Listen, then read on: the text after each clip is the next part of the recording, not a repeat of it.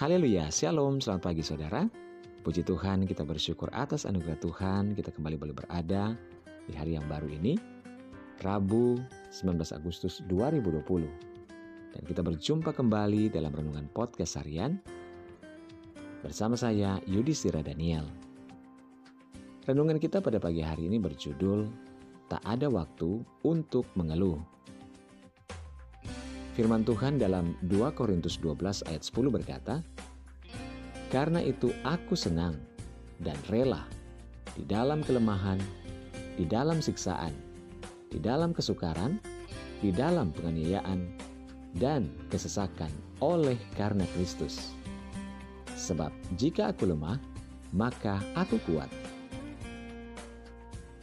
Sebab jika aku lemah, maka aku kuat. Inilah kata-kata Rasul Paulus, dan kata-kata ini sangat menarik. Hal ini dikatakannya berkaitan dengan pergumulan yang sedang dialaminya.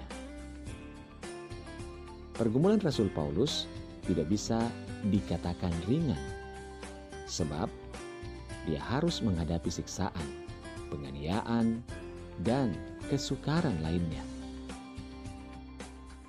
Buat kita mungkin Pergumulan itu berhubungan dengan usia, kesehatan, keuangan, karir, dan juga hubungan rumah tangga, bahkan hubungan dengan sesama, atau berbagai kesukaran lainnya.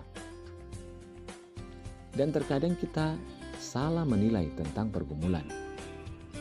Biasanya, pergumulan yang kita alami dikaitkan dengan pemecahan masalahnya Artinya, kita mencari pemecahan masalah, jalan keluar dari setiap masalah yang kita alami. Padahal bukan itu intinya. Yang harus kita ketahui adalah pergumulan adalah mencari kehendak Tuhan.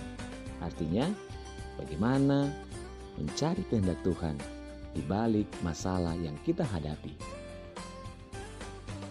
Itu sebabnya setiap hari kita menghadapi masalah, baik besar ataupun kecil. Saudaraku, dalam setiap masalah yang kita hadapi, kita harus mencari atau mengetahui apa kehendak Tuhan di balik keadaan yang sedang kita alami. Bukan sekedar mencari solusi supaya kita terhindar dari masalah, kalau kita menghadapi masalah dengan mencari kehendak Tuhan atas masalah dan kesukaran kita, maka kita tidak akan ada tempat untuk mengeluh. Artinya, jika kita mencari kehendak Allah dalam masalah dan situasi yang sedang terjadi, maka kita tidak akan bersungut-sungut dan tidak akan mudah putus asa. Sebaliknya, kita akan bersemangat dan tetap mengucap syukur kepada Tuhan. Haleluya. Mulailah hari ini dengan membaca dan merenungkan firman Tuhan. Hiduplah dalam ketaatan dan ucapan syukur kepada Tuhan. Selamat pagi, selamat beraktivitas dan berkarya di dalam Tuhan. Tuhan Yesus memberkati.